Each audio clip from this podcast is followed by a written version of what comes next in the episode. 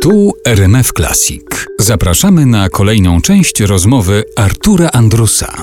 Barbara Wrzesińska jest e, gościem wakacyjnych rozmów e, w RMF Classic.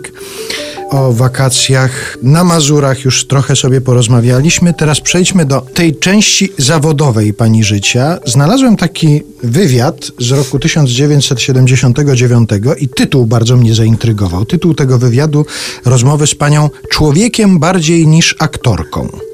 Czyli można się domyślać, że ten zawód nie pochłonął pani jakoś tak totalnie? Czy pani jednak stwierdziła, że jest coś ważniejszego od teatru, od zawodu, od bycia aktorką? No, no tak.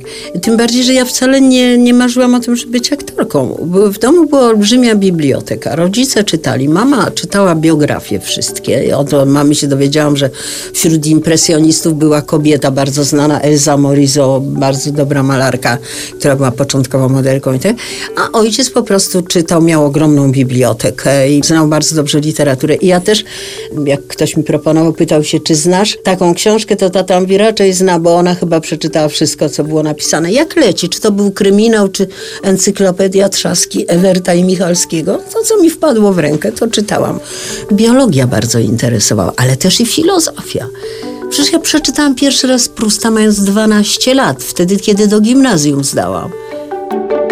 I potem, kiedy czytałam to jako dorosła osoba i byłam zachwycona tym, bo mi się to kojarzyło, te wielkie głogi kwitnące i pola francuskie.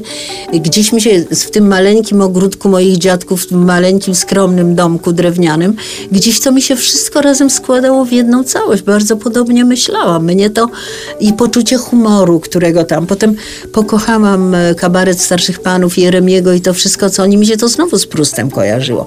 I to wszystko gdzieś Literatura, przyroda, w której żyłam, szlachetność mojej babuni. Jak się mówiło o jakiejś kobiecie, że ona jest taka, że ona tam się z Niemcami, to babcia mówiła, że nie ma ludzi niedobrych, są tylko nieszczęśliwi. I to była taka rodzina. Więc jak ja mogłam wyrosnąć? Rosłam na to, że się kocha zwierzęta, czułam się po prostu częścią tego życia. I myślałam, że będę studiowała biologię. Miałam zresztą wspaniałą, byłam najlepszą uczennicą na pewno z polskiego, bo jak była wizytacja z kuratorium, to mnie wywoływano do tablicy. Ale oblała mnie polonistka i z matury pisemnej i nigdy nie pokazała tacie mojemu tej matury, który prosił, a te wszystkie nauczycielki się tam do taty, był przystojnym człowiekiem i tak się tego, nigdy nie było, tata powiedział, że to jest niemożliwe, ja wyszłam, ale tak się stało. Ja jestem aktorką dlatego, że oblałam maturę i tylko do szkoły teatralnej miałam szansę być przyjętą i poszłam. I zdałam potem kiedykolwiek zdarzyło się tak, tak że... Maturę zdałam, kończąc pierwszy rok szkoły teatralnej. Ale zdarzyło się tak, że tego wyboru potem pani jakoś żałowała kiedykolwiek? Czy... Ja w ogóle nie mam e, non rien de rien, je regrette rien, jak śpiewa Edith Piaf. Za mało życia było, żeby to poznać.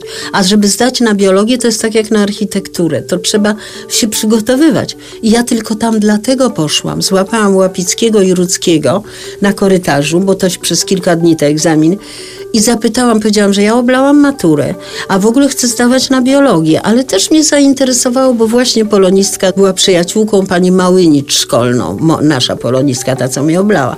I ona mnie obsadzała, założyła kółko teatralne w uczonych białogłowach, w jakichś głównych rolach i mnie to się trochę spodobało oczywiście. I zapytałam, czy ja mogę zdawać egzamin, bo jak nie, to ja się muszę przygotowywać y, i tak przez ten rok do, na, do biologii, na biologię. Takim coś nieskładnie, ale z taką emocją tłumaczyłam, że oni powiedzieli, że jak skończą wszyscy to, żebym weszła i, i się dostałam tylko dlatego.